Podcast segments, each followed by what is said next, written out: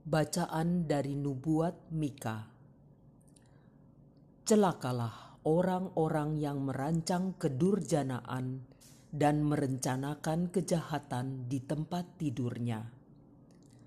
Pada waktu fajar mereka melakukannya sebab hal itu ada dalam kekuasaannya.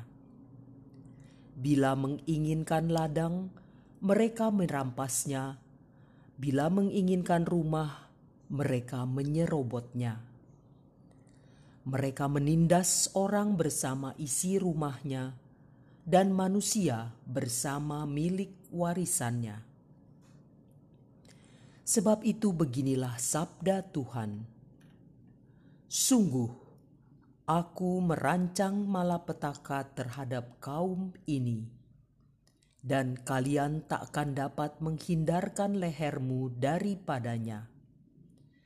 Kalian tak akan dapat lagi berjalan angkuh, sebab waktu itu adalah waktu yang mencelakakan. Pada hari itu, orang akan melontarkan sindiran tentang kalian dan akan memperdengarkan suatu ratapan.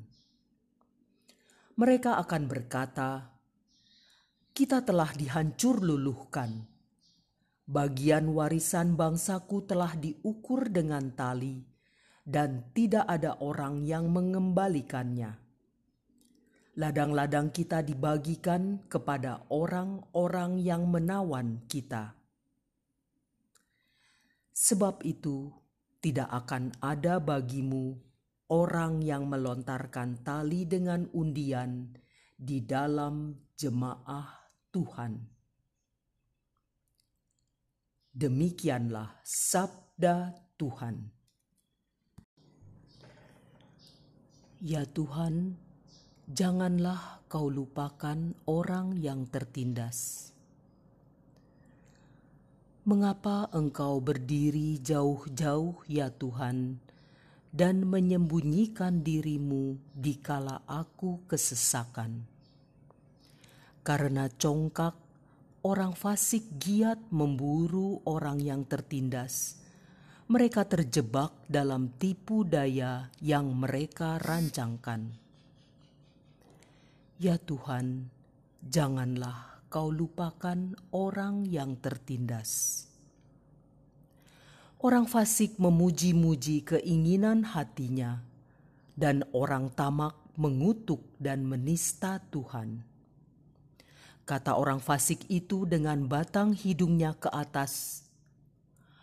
Allah tidak akan menuntut, tidak ada Allah. Itulah seluruh pikirannya. Ya Tuhan, janganlah kau lupakan orang yang tertindas. Mulutnya penuh dengan sumpah serapah, dengan tipu dan penindasan di lidahnya ada kelaliman dan kejahatan. Ia duduk menghadang di gubuk-gubuk di tempat yang tersembunyi. Ia membunuh orang yang tak bersalah. Matanya mengintip orang yang lemah. Ya Tuhan, janganlah kau lupakan orang yang tertindas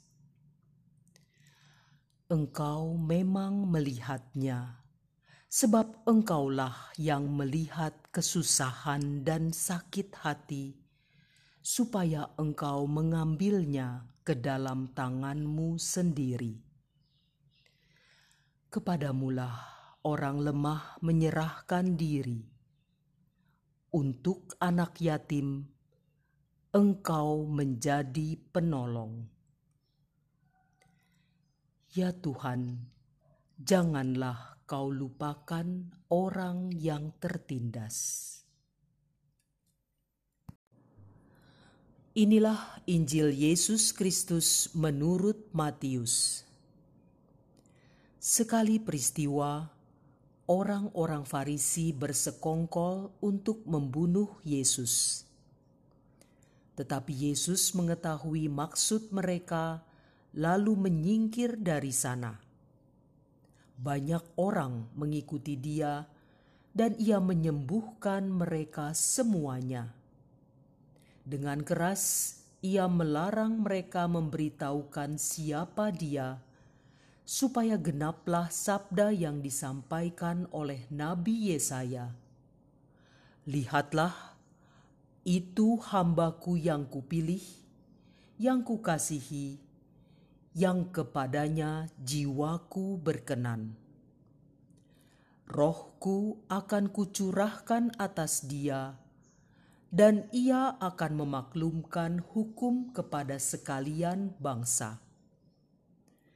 Ia tidak akan berbantah dan tidak akan berteriak.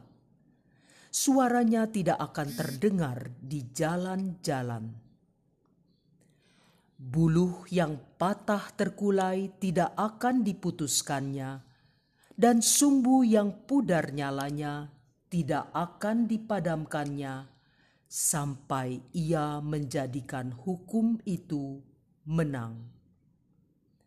Kepadanyalah semua bangsa akan berharap. Demikianlah Injil Tuhan.